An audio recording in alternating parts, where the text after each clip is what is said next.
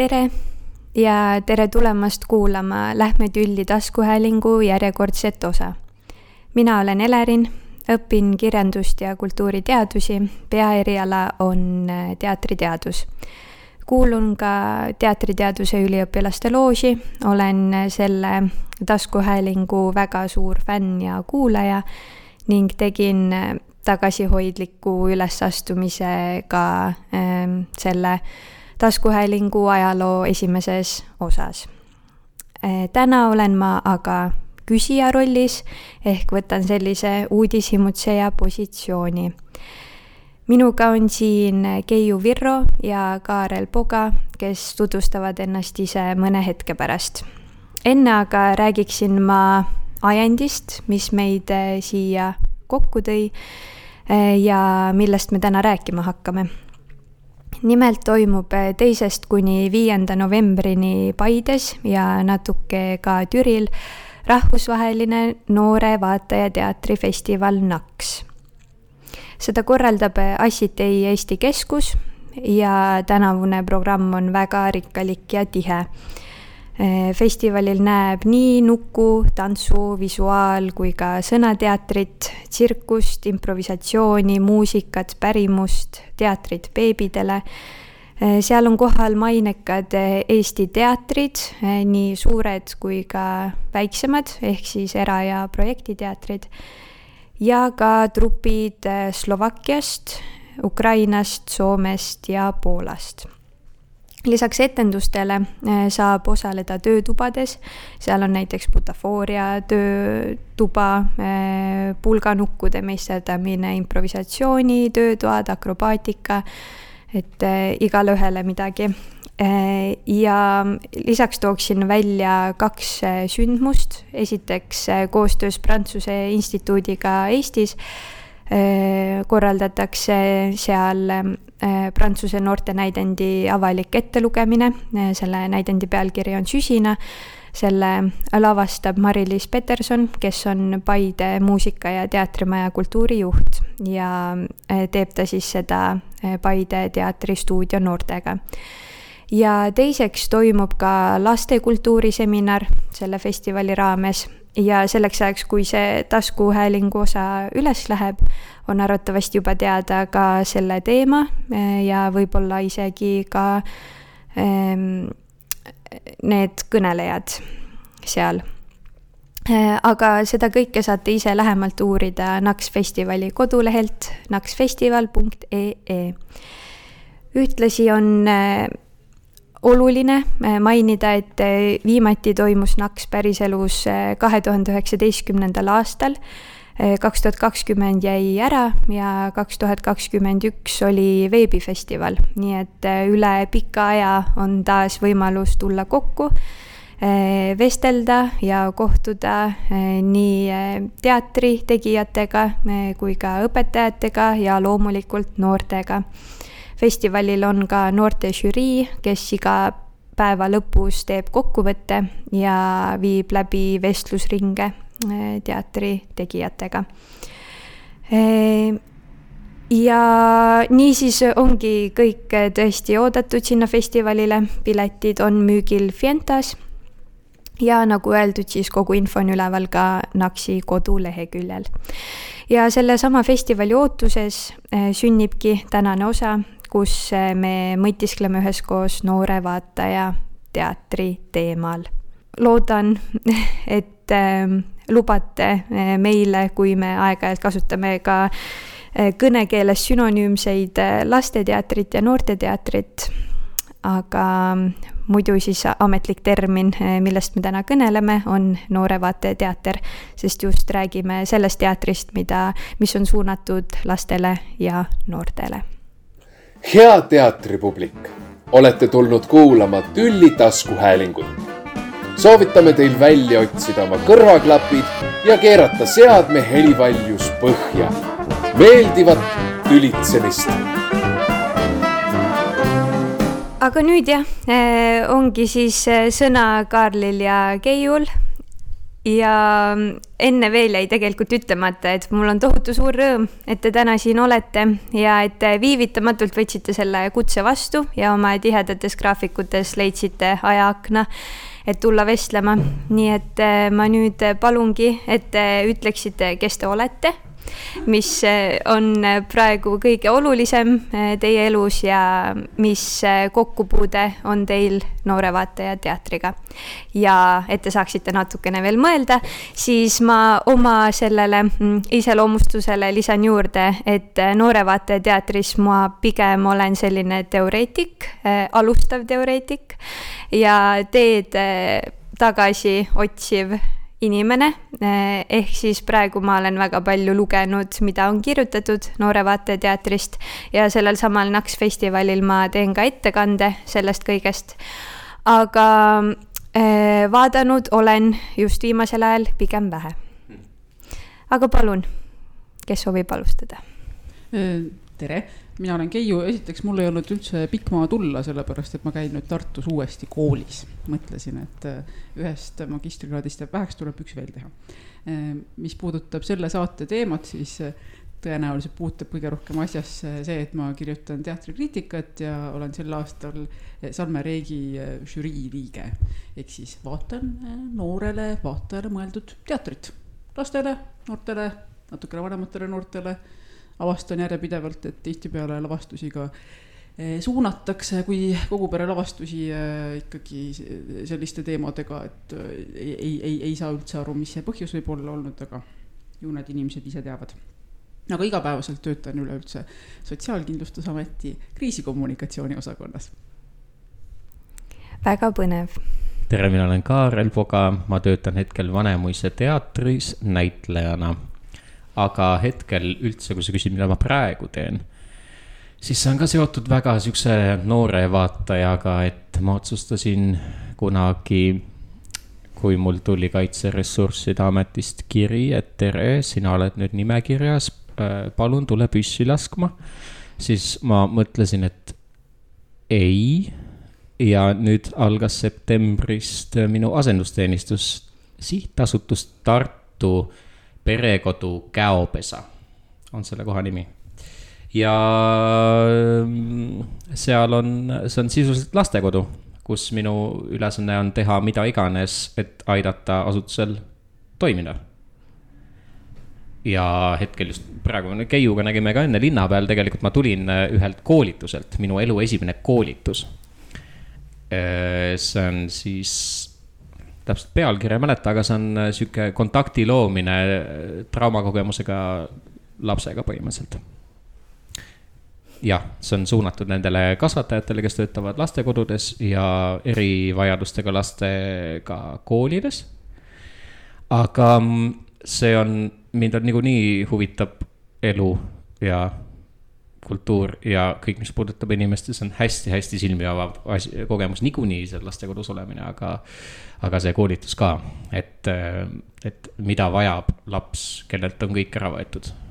See on nii huvitav teema, sellepärast et teatris mind huvitab viimastel aastatel eh, just see teater, mis on suunatud erivajadustega lastele, ehk siis mis puudutab kontakti saamist just nimelt, aga lihtsalt teise nurga alt, ehk siis eh, see, kuidas teatris äh, näitlejad suudavad seda teha, milliste lavastuslike võtetega ja nii edasi, kahjuks Eestis seda ei ole väga palju, aga käia äh, väljamaal teatrifestivalidel, siis siiski näeb. Eestis on veel see asi, et äh, näiteks ma tean vähemalt Käopesaga on see, et SEB Panga fond on neil olemas selline, mis toetab nende huvitegevust ja kultuurielamusi. mistõttu nad käivad tihemini teatris isegi üldis-, noh, keskmiselt kui võib-olla mõni kooliõpilane mis on nagu tore. seal on omad komplikatsioonid, et, et kuidas see toimub, et nad peavad seal grupiga käima ja kes kellega sobib ja nii edasi, et see kõik sõltub täiega parasjagu võimalustest, aga ikkagi, et nad on tegelikult asju näinud. ja selles mõttes ma ei, oska sulle vastata, ma tean ainult, et seal Noorsooteatris just oli üks tükk suvel, mida ma kahjuks ei näinud. see rääkis kodututest lastest jaa, aga see on, see on, vot see on sotsiaalne teema. Hmm.. aga mina, mina mõtlen just nimelt näiteks noh, erivajadus on erinevaid loomulikult, aga näiteks autismispektri lapsed Aa, vot seda, jah. kõik sellised asjad, nii et äkki, äkki see, SEB fond äh, kuuleb nüüd juhtumisi, noh, äkki nad kuulavad just nimelt teie podcast'i, eks ju. ja siis äh, tahavad äh, toetada hoopis teatri tegijaid, et nad teeksid spetsiaalseid lavastusi erivajadustega lastele, keda ei mahu kahjuks saali väga palju ja nad ei saa väga palju raha sisse tuua ja tegelikult neid võimalusi on teha teatrikodus näiteks. ja võtsime sult lihtsalt üle praegu. ja me läksime täiesti mujale praegu, aga ühesõnaga sulgen selle ringi, et, et jah, ma teen seda asendusteenistust, aga muidu siis töötan ka Vanemuise teatris, ma nagu käin täiskohaga tööl lastekodus ja ühtlasi mängin etendusi. tubli poiss. jah, see on topeltkohaga, see on päris keeruline, see alles selgub, et kuidas see kõik olema hakkab. sest need tunnid, mis ma veedan lastelavastusi mängides eelkõige, sest need pannakse päevasele ajale. ma pean tasa tegema hiljem oma vabast ajast. ja tavaliselt see lõikab nagu neli tundi päevast välja. no aga milleks see muu elu sulle ikka? jah, just, ise valisin, aga tegelikult on tore ja väga õpetlik, nagu ütles üks mu kolleeg Vanemuises, et tõenäoliselt sa õpid niikuinii rohkem selle aastaga seal lastekodus kui teatris, sest kui sa oled teatris, siis sa tõenäoliselt oledki ainult teatris. ja räägid ainult teatrijutte jah, ja see on see Eesti, mida sa niikuinii ei näe, muidu. vot ja mängin Vanemuises Punamütsikeses, mis on vanusele kaks kuni kaheksa vennad lõvisüdamed, mis on seal seitse, kuus kuni äh, neliteist, viisteist. ja noortelavastus mitte midagi, mis on siis neliteist kuni kaheksateist, et ma nagu katan kogu selle spektri. üksinda, ei. vaat kui tubli. väga hea, siis on äh, saanud kinnitust äh, minu hüpotees, et siin on koos professionaalid väga tore, aga nende teemade juurde me tuleme tagasi ka, aga mul on ettepanek, et me alustaks täiesti algusest ja konteksti loomiseks siis äh, läheksime tagasi äh, teie lapsepõlve ja tuleks sealt hästi-hästi kiiresti tänapäeva. aga ma küsingi teilt, äh, millal ja milline oli teie esimene teatrikogemus? mina päris esimest ei mäleta, aga mul on väga selgelt meeles üks teatrikogemus. Äh, see oli La Traviata ja ma ei oska öelda, kui vana ma olin siis, aga ma arvan, et kuskil seal eh, noh, kas eh, hiline lasteaialaps või varajane koolilaps, umbes niimoodi. ja, ja ma mäletan seda sel põhjusel, et ähm, vaata, mängu üks omadusi on see, et korraga on koos sihuke tinglik ja praktiline, et sa usud ja ei usu samaaegselt, eks ju, aga seal on palju erinevaid varjundeid. ja, ja La Traviata puhul äh, juhtus selline asi, et noh, muidu usud küll seda lava tegelikkust juba lapsena ka, saad aru, et asjad on laval, ei juhtu päriselt. aga seal üks äh, äh, asi siiski minu aju äh, väikese väga,, väga-väga väikese lapse aju kokku jooksutas. nimelt La Traviata peategelane on äh, siis äh, kaunis daam, kelle pärast äh, teadupärast väga palju mehi tormi jooksevad ja nii edasi Äh, aga kuna äh, minu lapse pea lisaks muudele asjadele ikkagi ka nagu stereotüüpidega täidetud, et äh, noh, mina teadsin, et see naine, keda mehed tahavad, on ikka sihuke nagu barbinuku välimusega. ja see La Traviata lauljanna oli selline kaunis, aga oluliselt suurem naisterahvas ja mina lihtsalt ei, noh, ma ei saanud tol hetkel aru, et miks need mehed laulavad talle eh, selliseid sõnu, sest tema üldse ei vastanud eh, sellele asjale, mis on minu peas. et see, kuidas mingisugused märgid või sümbolid eh, toimivad, noh, see ikkagi ei tulnud väikse lapse peast, jah, ei tulnud läbi tol hetkel mina ei mäleta oma esimest teatrikogemust, ma ei mäleta üldse eriti midagi, mul läheb kõik meelest ära. ma mäletan ainult mingeid katkeid mingisugusest kooliteatrist, mida ma nägin kuskil Rahvamaja laval. ja mäletan ühte Linnateatri laulude kontserti, vaata, nad tegid kunagi mingid siuksed, noh, kontserte põhimõtteliselt. on nagu lavakavalised a la teatrilaulud või midagi sellist. ja siis mäletan, et äh, Romeo ja Julia muusikali käisin vaatamas, kui olin, ma ei tea, kui vana ma siis olin. millal see tuli, kaks tuhat? ammu. ja, ja, ja see oli ikka nagu seal. oi, need laulud olid hitid ju. ja, ja seal, kes, siis oligi, et ma mäletan nagu mingeid asju, mäletan seda isa vaimu, kes seal oli, ei mitte isa vaimu, aga seal oli mingisugune saatuse tegelane või midagi siukest. sihuke vana mees, kellel silmad pahupidi, siis ta nagu ei kõndinud, vaid ta oli mingisuguse, tõenäoliselt mingisuguse rulliku peal ja teda lükati üle lava kuidagi niimoodi, et, et ülakeha oli näha ja siis seda lükat-, lükkajat või neid roopaid või rööpaid, mis iganes, mille peal ta sõitis, seda ei olnud näha, see oli suht õudne ja ma mäletan, kuidas äh, Kristjan Kasearu karjub, Vardias ja siis läheb, pussitab äh, Tiibalti surnuks. Ma ei mäleta, kes Martit mängis, aga ma mäletan, et Jaagup Kreem sai surma ja siis Ära- seda, et ühel hetkel nagu need, et need näitlejad aeg-ajalt nagu vaatasid kuhugi tead ühte kindlasse kohta, siis ma nagu pöörasin ka ringi ja siis ma vaatasin, et seal klaasi taga kuskil seina sees oli bänd. see oli väga äge. kui Ma- vana sa siis olid? ma ei mäleta, millal see välja tuli. kaks tuhat seitse. kaks tuhat seitse tuli välja, no siis ma olin mingi kümme, üksteist või? ma ei ole kindel, kas väga umbes sinna. jaa. aga ma ei mäleta väga mingeid muid teatrikogemusi väga noorest ajast. ma hakkasin käima põhikoolis ja siis jäingi käima kogu oma vaba raha eest põhimõtteliselt. kas sa käisid üksi teatris? väga palju. vaatasin kõike Noost teatrumini. kõik pakkus huvi ja kõik oli huvitav, siiamaani on. soovitan kõigile käia Graalis, käia ekspeditsioonil, käia Kanuti gildis, uues teatris, teatrumis, igal pool, igal pool on häid asju. Need mõlemad mälestused on kuidagi hästi sellistest suurtest lavastustest, et ei ole sellised, no ma, kui ma ise mõtleksin tagasi, siis on ikka sellised ähm, lavastused, kus see põhifookus tegelikult oli jõulumaadel, et vahet ei ole, mis seal laval toimus, aga ootad seda, et millal saaks selle kommikoti kätte ja et selle peal kasvasin mina üles. ma, mul tuli meelde, meil oli lasteaias komme, et me teeme alati äh, lõpetamise puhul ühe lõpulavastuse. ja siis ma mängisin seal ühte koera. Ja siis meil olid seal alati vahenumbrid, sellest on isegi vist video ülesvõte, kus ma mäletan, et minul on koreograafia selge. ja siis ma olen ühe teise tüübiga laval, kellel ei ole koreograafia selge, sest ta kogu aeg vaatab minu pealt, mida ma tegema pean. ja siis ma seal laulan nagu ja värki ja siis ma mäletan seda, et äh, seal oli mingi laul väiksest kutsust. ja ma mängisin, ma olingi mingi koer ja siis see viimane rida oli see väike kutsu maha potsatab ja siis me pidime hüppama nagu istukile. Sellist asja mäletan, praegu tuli meelde.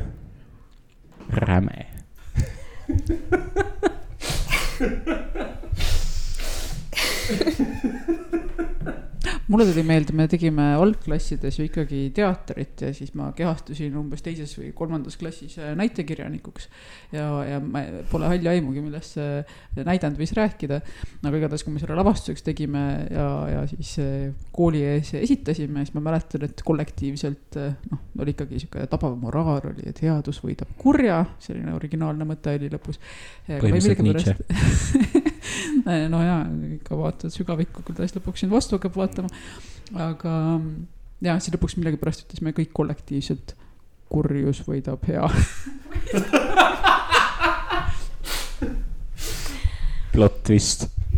Aga milliseks see teatri roll sirgumisel kujunes, et nagu ma aru sain, et sina, Kaarel, hakkasid väga tihedalt teatris just põhikoolis käima, miks nii ja kuidas tegelikult see impulss tuli vist minu õpetajalt üldse, et ma olen selle üle temale elu lõpuni väga tänulik, et ta niimoodi ta, ta ise on suur teatrifänn ja siis ta mm, püüdis meile ikkagi pileteid kooli kaudu ajada ja siis mul jäi pisik külge, siis ma hakkasin ise ajama neid välja, noh, mäletan mingeid, nad Linnateatri, vaata, kui ta, nad olid veel Laial tänaval, siis nad müüsid nagu viie minutiga läbi, terve kuu.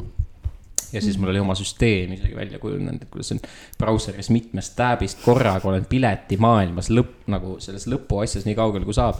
ja siis, kui kell kukub refresh, lähen sellega, jõuan panka, siis teine tääb, see lahti, siis see, jõuan panka. niimoodi, ma tegin nagu sain igale poole pileteid niimoodi ja siis ükskord ma nagu sattusin Linnateatri kassasse nagu enne kella ühteteist umbes, et äh, ma ei tea, mida ma seal tegin. aga seal oli pikk-pikk saba ja üks vanatädi oli seal nagu mingi poolteist tundi enne üht-teist juba kohal, seisis seal ääres ja juba tal oli paberi peal kirjas, mis kuupäeval, mida ta tahab vaatama. ja siis ma jooksin kooli, ma ostsin need piletid ära. ja ma sain kõik, mis ma tahtsin ja siis ma pidin nagu tagasi tulles läksin uuesti millegipärast sealt läbi ja siis see tädi nuttis kassaleti ääres, ta ei saanud mitte ühtegi piletit. ja ta oli esimesena seal rivis kohal. issand, kui kurb lugu see on. jaa, aga näed, mina sa... minu, minu see nagu, mul oli oma süsteemid ja värk ja ma ikkagi väga ahnelt nagu vaatasin äh, pilguga neid. selles loos on palju rohkem draamat kui nii mõneski Ja, ja. lavastuses. ja, ja, ja ta oli nii kurb, sest ta kunagi sai. Iga kord sai, sest ma ei tea, kas Linnateater pani siis kõrvale mingi posupileteid. et nagu müüa, müüvadki kassast, mis oleks tegelikult tore, aga noh, sel hetkel nad ei teinud enam seda. aga siis ma käisingi tõesti kõike vaatamas ja mulle tohutult meeldis see, mis teater minuga tegi. mis see, ta kuidas, tegi? kuidas ta, ta mõjus hästi lihtsalt, ta, ta noh. vaata, nüüd on teatri vaatamise pilk ka muutunud, eks ole, noh, vääramatult, paratamatult. ja sel ajal lihtsalt see, et kui nagu mingi sihuke, sihuke nagu kõige laiemas mõttes huvi selle vastu, et nagu kuidas maailm ja inimene toimib ja mida üldse kultuuris tehakse, miks inimesed asju teevad. ja siis neid nagu teemasid oli ka seinast seina, lavalahendusi oli nagu seinast seina ja kõik nagu väga häid näitlejaid on Eestis tegelikult päris palju. ja neid ma nägin ka lavalt.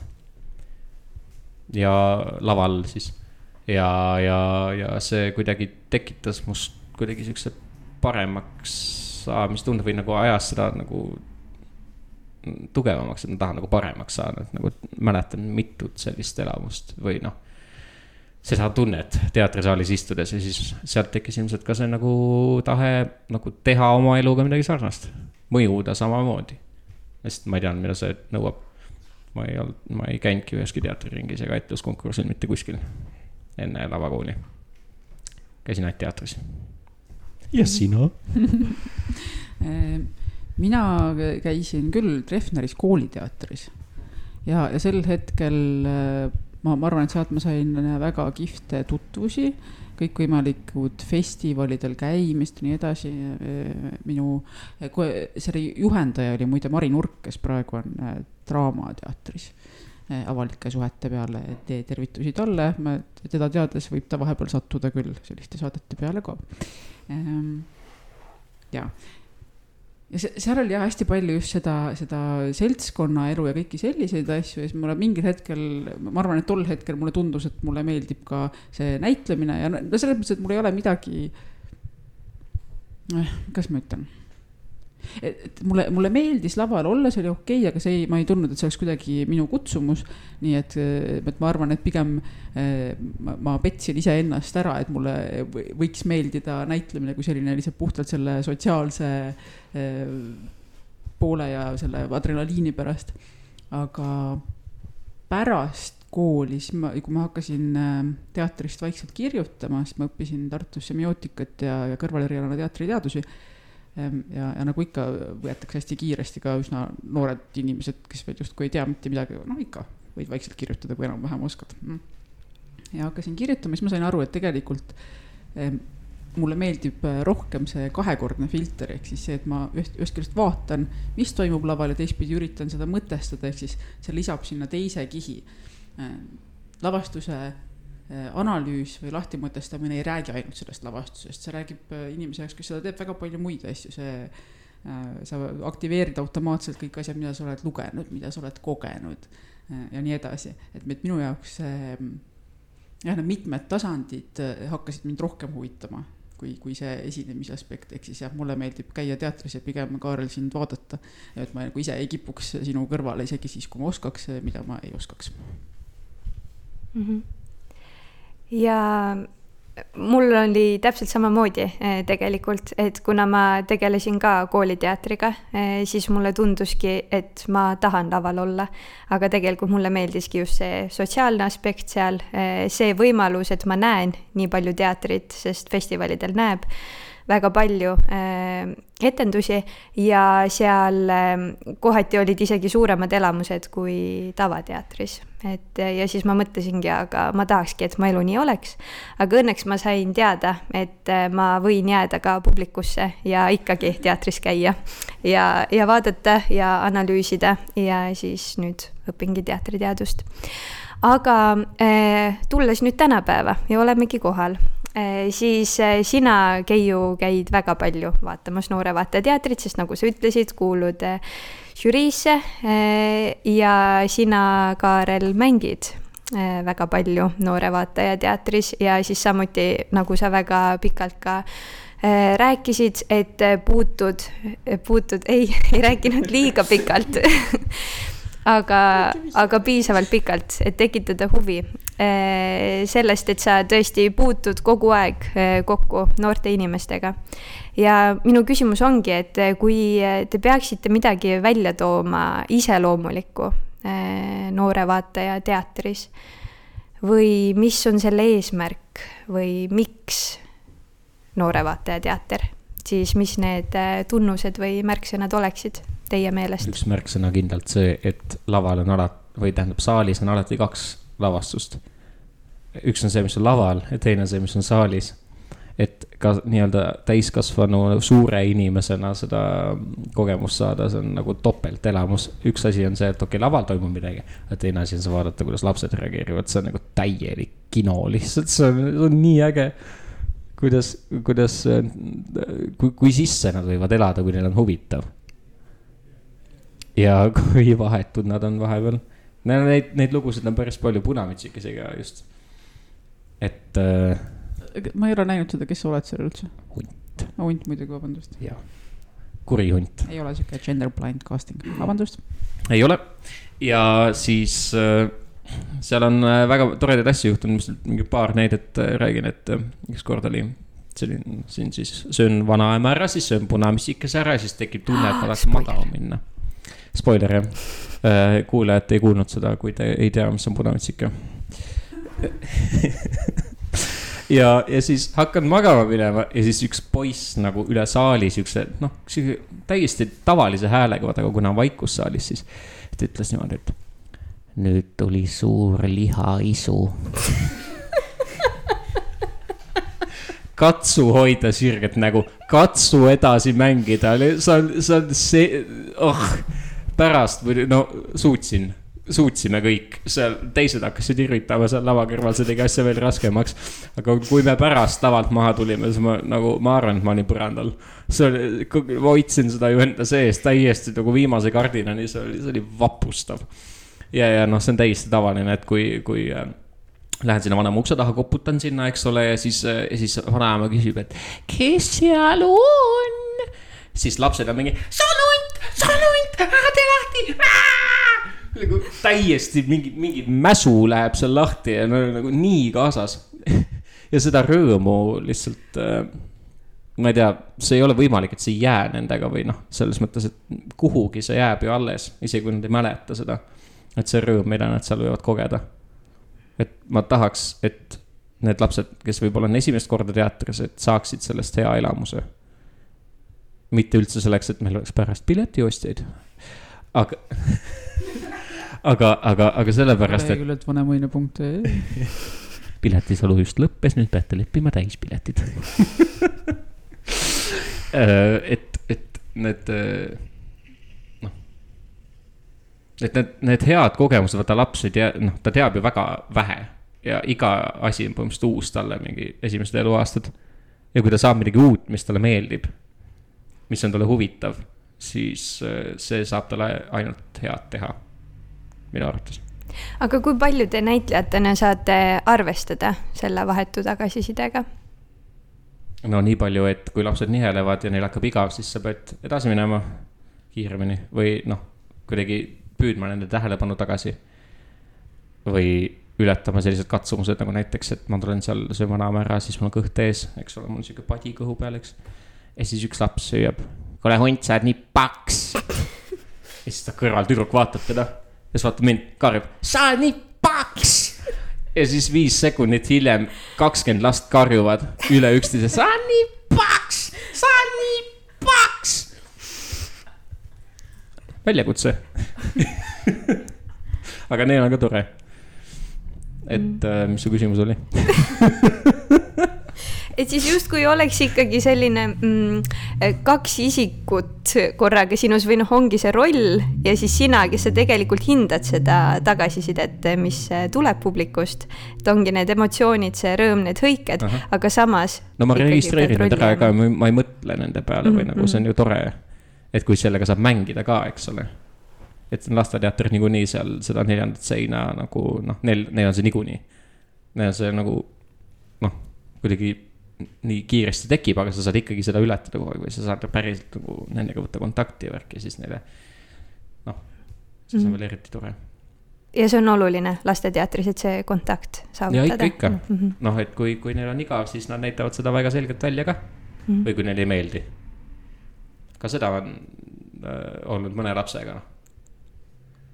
ja see on äh, selline, noh, et ei ole midagi teha, sa pead mängima nii hästi, kui sa mängid mm. Teater ei olegi kõigile või, või nii lavastus aga, aga seda, äh, üks asi on veel tore, ma, ma nii pikalt räägin nüüd, käia vait, aga, aga, aga ma räägin ühe asja veel. see, et äh, kuidas ma kuulan alati publikut enne lavale minekut, enne etenduse algust, ma käin kuulamas reaalselt. Enda peale mõtlemas ja häälestamas neile. siis see, mis vahe on mudilastel, lastel, siis noh, kuidas öelda siis algkool, siis äh, teismelistel ja siis nii-öelda tavapublikul, see on täiesti teine saal täiesti teine sihuke nagu helifoon, selline nagu mingi meri, et see on hästi kaootiline, hästi energiat täis. ja see on hästi kuidagi rõõmustav ja käivitav ka. et ma tean, et enamus neist vähemalt tahab seda asja näha päriselt. ja noh, kõik tahavad loodetavasti, kes tulevad teatrisse. Aga, aga nagu, et, et nad on nii valmis seda vastu võtma et siis see käivitab tohutult ja nagu kui käia teatris, siis seda tähele panna ka, et mi-, kuidas sumiseb publik, see on iga õhtu erinev, see on väga tore. mõtlen see, kui selle algse küsimuse juurde tagasi tulla, et mis siis eristab justkui noorele vaatajale mõeldud teatrit Eh, vot siin ongi see viimane asi, mis sa mainisid, eh, Kaarel, et, et erinevad vanusegrupid, ehk siis noh, me, me ei saa tegelikult rääkida mingisugusest koherentsest äh, lasteteatrist või, või millestki sellisest, need ongi täiesti erinevad žanrid, tehakse ju beebiteatrit Eestis ka ähm, ja muud teatrid. nii et selliseid eristusi on natukene raske tuua ähm,, millest on räägitud, et äh, teemad võib-olla ei pruugigi alati selleks olla, et noh, et isegi siis, kui on justkui täiskasvanutele mõeldud teemad, et sageli näiteks teismelised suudavad sealt vabalt oma, oma mingisugused huvitavad asjad äh, välja korjata ja siis ülejäänu kõrvale jätta, mis on tegelikult täpselt sama ükskõik kelle puhul. see, mis sind huvitab, sellega sa ikka ära haagid. Ehm, üks asi, mis võib-olla ikka on veel no mõne täiskasvanu jaoks vähemalt, kes teatrit teeb, on kuidagi stereotüübid, on justkui lapsed ei võiks abstraktseid asju mõista. aga tegelikult justkui välismaal käia eh, teatrifestivalidel ja vaadata, noh, et seal on pigem no näiteks Taanis on väga palju lasteteatrit või noh, noorele vaatajale teatrit. Eh, ja, ja seal on meeletult suur variatiivsus nende vahendite osas ja näitlejad sageli kasutavadki ja lavastajad ähm, noortele mõeldud teatrit kui millekski, kus nad saavad oma fantaasia täiesti vabaks lasta. seal on väga palju igasugust visuaali, muusikat, kasutatakse ära kõikvõimalikke videoprojektsioone. see, et, et noh, samal ajal kui mulle vähemalt tundub, et Eestis mõnikord veel mõeldakse ikkagi sellest kui mingist teisejärgulisest teatrist või noh, näiteks üle maailma samamoodi, et, et kuidagi vahepeal näitlejatele tundub, et, et kui teed noortele lavastusi, siis on kuidagi nagu pakendamine kuskil teisejärguliseks, minu meelest see ei peaks olema niimoodi sest et äh, kui noh, sellega seotud küsimusega rääkida, miks on teater just äh, noortele oluline äh, noh, jällegi Kaarel, sa oled juba maininud seda, et midagi jääb, on ju. ja, ja see midagi jääb ei ole tegelikult mingisugune lihtsalt sihuke siin tunnetuslik asi, vaid see on ikkagi see asi, mis on ka uuringutest välja tulnud. ehk siis lapsed tõepoolest, nad ei pruugi alati mäletada väga väiksena nähtud lavastusi, aga no mingid sünapsid seal kuskil oma töö ikkagi teevad, teine asi on see, et noh, empaatia teadmised, see, et just otseses mõttes kasvab parem inimene. et noh, selliseid uuringuid on tehtud, siis lapsed on niipidi vaadates kõige olulisem grupp üldse teatris. Nemad on need, keda on võimalik kõige rohkem mõjutada mis on ka põhjus, miks mind huvitab äh, noore vaataja teater, ehkki mul endal näiteks ei ole äh, lapsi. noh, et ma, et ma ei käi tea seal sellepärast, et mul on põnnis kodus ja ma pean sellepärast nagunii minema sinna. ei, just vastupidi, mind huvitab see, kuidas tehakse seda teatrit, mis vormib neid inimesi väga-väga palju, kes seal saalis istuvad. et see on huvitav minu jaoks, jah. ma ei jõudnud ka nüüd selle vastusega liiga kaugele, aga jah jutt on huvitav. väga huvitav, aga kui veel mäng, äh, mängimisest äh, rääkida või kuidas siis äh, mängida, siis võib-olla Keiu, sa soovidki jätkata, jätkata sellega, et mis siis mõjub. missugune mäng seal laval see, mida ma olen kõige rohkem näinud, on see, et mitte mingisugune mängutaktika või, või stiili valik ei ole see, mis mõjutab, vaid just nimelt see tunnetamine et no vot, jah, tulebki minna nähtavasti enne etendussaali ja kuulata, mis häält see publik teeb ehm,. sest kui mõelda kasvõi noh, näiteks Piip ja Tuut teater. see on täiesti uskumatu, mida nad lastega teevad, nad, nad saavad, nad, nad panevad tähele, nad peegeldavad, nad suudavad hetkega kõik lapsed endale niimoodi ümber sõrme keerata. lapsed on otsast lõpuni alati kaasas, sest neid kuulatakse, neid pannakse tähele, neile peegeldatakse täpselt niimoodi tagasi, nagu nad on. ja, ja nende puhul on muidugi veel see eripära, et et kui neil vähegi mingisuguse vabama formaadiga teater on, siis nad alati suudavad ka noh, lapsed noh, enamasti teismelised võivad üksi tulla. nooremad tavaliselt ei tule, eks ju, eks see paratamatult mingi täiskasvanu kuskil sealt öllerdab kaasas, on ju. ja noh, viisakas oleks natuke temale ka mõelda, et noh, et väga kurvalt ei tunneks ennast. ja nemad suudavad alati visata sisse mingisuguseid neid vimkasid, millest lapsed ei pruugi mitte midagi aru saada, aga täiskasvanu mm, ma nägin, mis sa seal tegid mm. -hmm. ja selle tõi Kaarel ka välja, et tegelikult on justkui kaks lavastust, et on äh, täiskasvanutele midagi ja siis nendele lastele, et tegelikult peab mõlemale justkui mõtlema. ja et see minu meelest muudab keerulisemaks ka seda noore vaataja teatrit, et seal ei ole ainult see noor vaataja, seal ei ole ainult see laps. et tõesti, kui teismeline võib juba ise tulla, et siis äh, pisemad ju ei tule, et nad tulevad vanemaga. kindlasti see, see kõige, hullem asi, mida saab teha, on see, et lihtsalt võtta mingisugune idee ja taandada see kuidagi lihtsamaks ja mõelda, et mm -hmm. siis lastele sobib, see on mm -hmm. totter. publiku alahindamine. ja, seda, käisin vahepeal äh, natukene mööda lasteaedasid, äh, torkisin ennast kaasa siis, kui noh, lasteaedades käivad ju siuksed hoopis teised trupid mängimas. ja on, on nii ja naasugused, on väga-väga häid, väga halb, mingisugust ülevaadet Eestis kellelgi ei ole. kes on professionaalne, kes ei ole, no ühesõnaga mingi täielik bardakk on seal ehm, ja, ja seal ma ikkagi sattusin ka paaril korral etendustele, kus on ka lihtsalt kõik on mingisugused kaks käpikut seal kuskil äh, teevad midagi ja, ja hääl tuleb veel enam-vähem vist lindi pealt ja, ja siis käpikute moraal on ka noh, ta ongi umbes sihuke. ja siis tegi see üks, tegi, Ats teeb Mannile haiget, lapsed, mis me arvame, kas see on halb, et Tats teeb Mannile haiget, jaa, see on väga halb ja siis on selline moraal ongi sul lõpuks. et noh, mida see kellelegi annab, ei tea, aga vaatasin, et lasteaiakasvatajad suutsid ikkagi sellest üksjagu pärast välja võruda, et noh, need lasteaiakasvatajad, kes viitsisid pärast oma lastega rääkida ja rääkisid läbi moraalikohad ja selles mõttes, et minu meelest see, see, mida need, oota nimetada enam kasvatajateks, lasteaiaõpetajad on vist õige sõna, eks ju ja et see töö, mida õpetajad tegid, olid kohati oli parem kui, kui, kui, kui see, mida laval nägi. aga noh, jällegi, et, et mitte liiga teha, on olemas väga ägedaid truppe, kes, kes Eestis lasteaia tingimustes ehk siis noh, pead teatrikohvrisse pakku, pakkima ja siis ükskõik millises ruumis seda mängima, et, suudavad ikkagi väga ägedaid asju teha mm. -hmm sa puudutasid nüüd ka seda tagasiside aspekti. Kas see peaks olema ja nüüd mõlemale sõna, kas see peaks olema kohustuslik osa eh, noore vaataja teatrist. muidugi siin võib rääkida, et üleüldse, üleüldiselt võib-olla teatris võiks olla selline tagasiside formaat äh, iga etenduse järel. aga mis te, mis te arvate sellest? aga, aga sa, aga kuidas, kuidas, kuidas sa mõtled seda, et kas nagu teater ise või, või just nimelt see, et õpetajad lähevad lastega? üldiselt jaa, nii, nii teater kui ka siis kas õpetaja või vanem räägib või et kas see on, kas see muudab selle kogemusega täisväärtuslikumaks või, või kuidagi? ma usun, et kindlasti, selles mõttes, et ta ei saa olla kohustuslik osa ilmselgelt nagu, aga ähm,. aga ma arvan, et see aitab kõvasti, et näiteks noh, need teater, ütleme noorsooteater, kellel on sageli väga põhjalikud äh, materjalid lavastuste juures Need materjalid ongi abiks äh, väga suuresti ka õpetajatele või lapsevanematele, kes neid kasutada tahavad.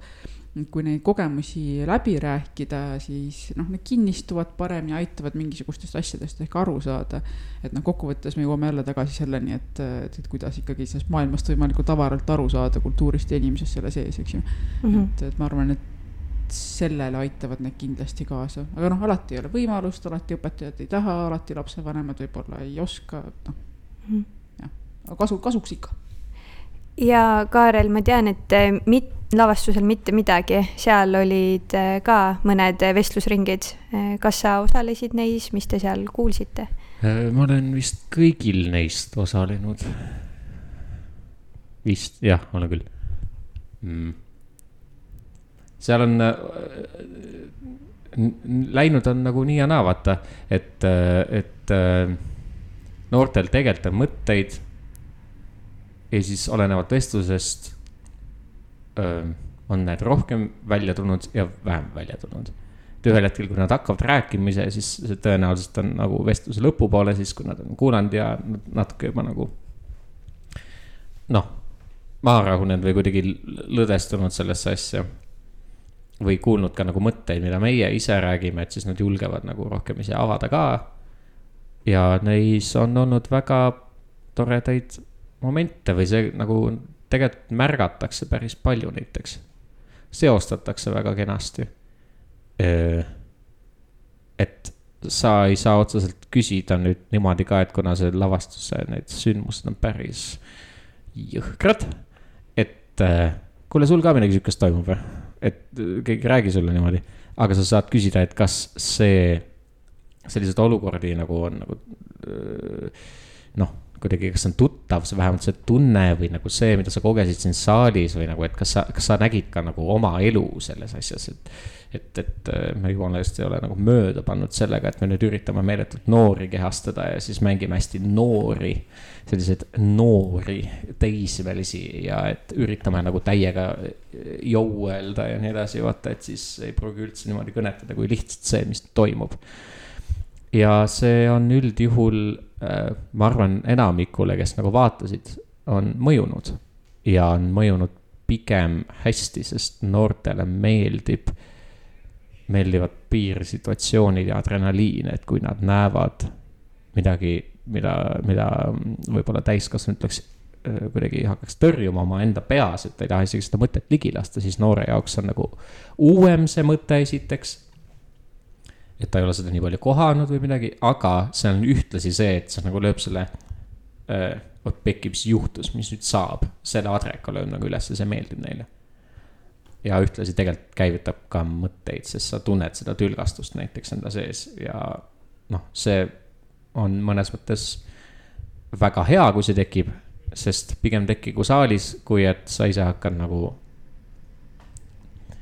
õpid siis nii-öelda läbi mingisuguse asja ja neid äh, tülgastavaid asju juhtub meil niikuinii kõigil, aga lihtsalt, et. selline rõõmus sõnum. ei, ei, mis asja, elu noh no varem või hiljem sa kohtud millegagi, mis nagu tõesti paneb sul nagu sees keerama, vastik on. ma ei tea, Telegramist vaatad Ukraina neid videoid, noh. Neid, mida ei näidata peavoolus. vaatad seal, kuidas nagu jäsemed on tee peal näiteks, laibad maas, noh, vaatad seda, siis nagu sa näed, mis see päriselt on. et see kogemus teeb sinuga midagi ja siis nagu noh, see tegelikult ju laeb seda, et mille pealt see reaktsioon tekib, on see, et see on nii vale. ja see mõnes mõttes nagu tugevdab seda, mis on tugev ka mõnes mõttes, noh, võib-olla noor inimene ise ei oska seda nii mõtestada aga noh, loodetavasti vähemalt siis see vestlusring või nende hilisemad vestlused sellest lavastusest, et kuidagi veel laevad seda asja, et, et mitte, mitte keskenduda sellele, mis on nagu jõhker ja halb, vaid selle kaudu siis tegeleda sellega, aga et mis siis on õige või mis siis on hea. vot see on äh, jah, ma arvan, et, et see on see koht, kus teater näitab oma kõige paremat külge või mitte hierarhiaid nüüd seades, aga, aga üht väga head külge, kui see võib olla otseses mõttes elumuutev ähm, minu meelest on, ja Mirko, Mirko Rajas on sellest ka rääkinud, kuidas on äh, noorsooteatri mingisuguste lavastuste puhul olnud ka seda, et, noored tunnevad ära enda kogemuse. kui see on karm kogemus, siis äh, no üks asi, mis sageli ju juhtub traumaatiliste asjade puhul on see, et sa arvad, et sa oled üksi selles.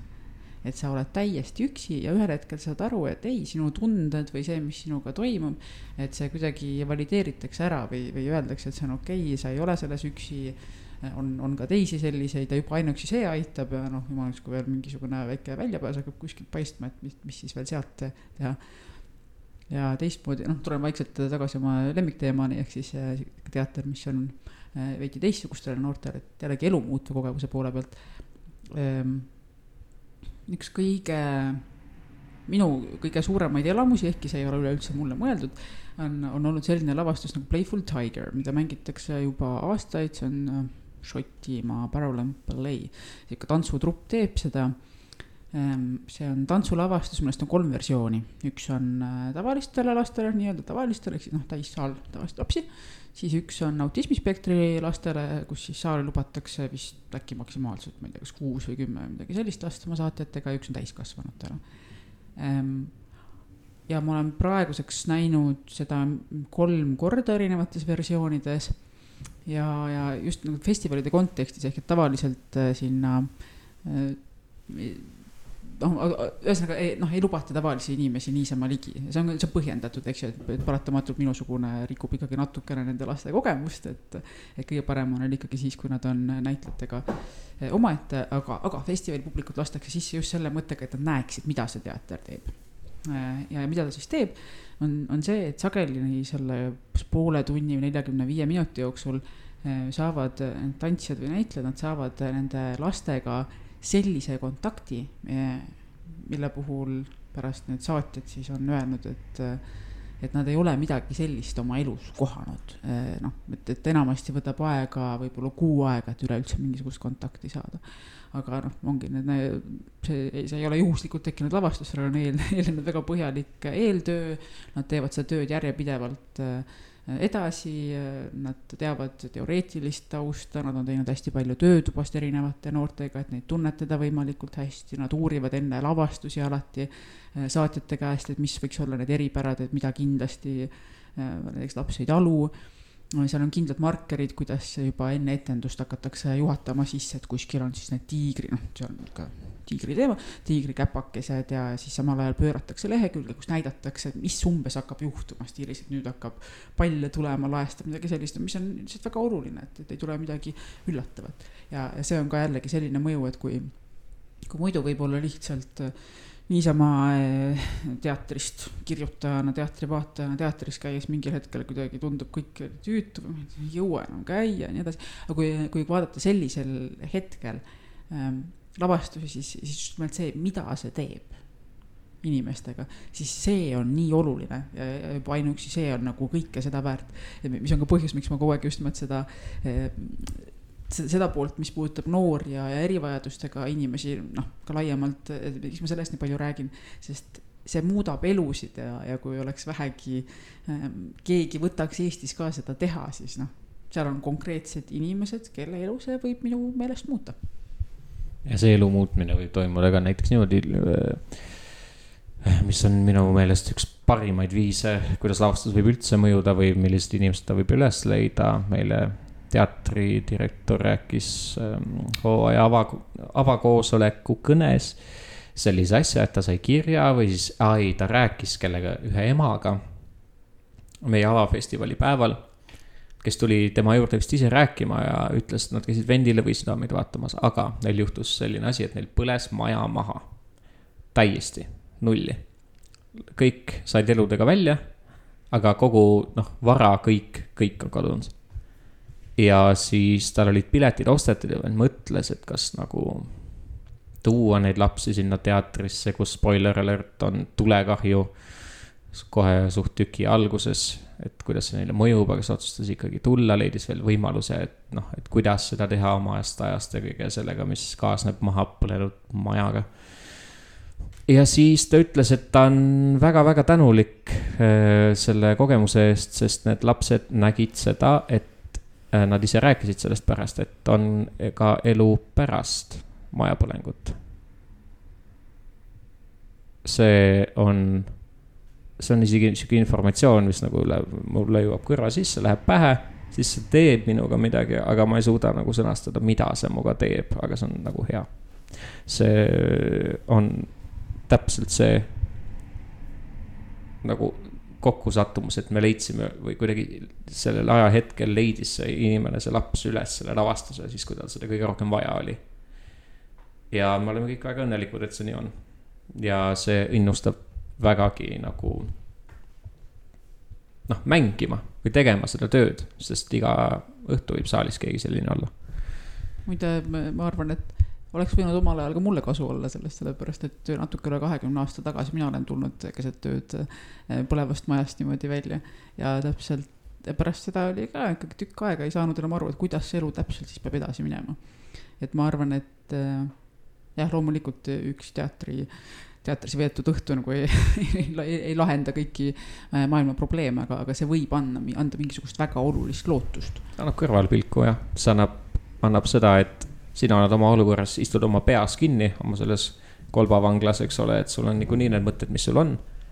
aga et kui miski tõstab sind sellest korra välja ja näitab sulle seda asja nagu kaugemalt, kasvõi lava pealt. ja sul õnnestub seda näha teise nurga alt, siis see juba on väga hästi. ja see on nagu noh, meil on väga narratiivne lugu, eks ole, et on mõnes mõttes nagu klassikaline lavastus nii-öelda selles mõttes. aga et saab, see teater peaks mulle väga meeldib, mida näiteks teeb Graal hetkel. et, et seda nagu narratiivsust ei ole vaja. mõnes mõttes, et see ruum iseenesest, mis seal luuakse ja kogu see, see näiteks melanhoolias, see melanhoolia nagu seisundi asi see, kuidas need inim-, kuidas nad suutsid sellesse niimoodi sisse elada, et nagu päriselt ongi seal need inimesed see ei ole mingi tegelase taha keegi varju või no kuigi nad tegid küll seal noh, mingeid tegelasi, eks ole, nad mängisid ikkagi nagu sealt dramavestlusest välja tuli, et, et kasutati väljendit Stanislavskamu, eks ole. et oli ka neid protsessi lõike, eks ole, aga see, mida võib teha teatrisaalis, see ruumiloome ja see seal selle mõne tunni võtmine selles hetkes või kuidagi selle aja ärasulamine ja selle maailma kehtestumine, see, sellesse nagu mina usun. olgu ta klassikaline teater või mingi muu. ma arvan, et lapsed ongi võib-olla paremad vastuvõtjad ka sellistele asjadele, et sul ei ole kõike seda eh, vahekihte seal nii palju mm. ja seda enam eh, tuleks neid eh, kohelda kui täisväärtuslikke vaatajaid, mitte teisejärgulisi vaatajaid, kellele kah mingisugune asi kuhugi ära sokutada mingisuguses haridus programmi raames, sest teater peab näitama, et on sotsiaalselt vastutustundlik, kui ta on vähegi suur teater. mina arvan nüüd, et eh, teater sai tervikuks seotud, et jõudsime Noore Vaataja teatrist kõikjale, väga palju niidiotsi jäi eh, veel edasimõtlemiseks ja mõtteid jäi õhku ja väga palju ilusaid eh, mm, väga palju ilusat sai öeldud aga Kaarel veel kibeleb midagi ütlema, ei, ei et siis ma tõmbaksingi otsad kokku, sest minule tundub küll, et see on ideaalne koht, kus äh, lõpetada.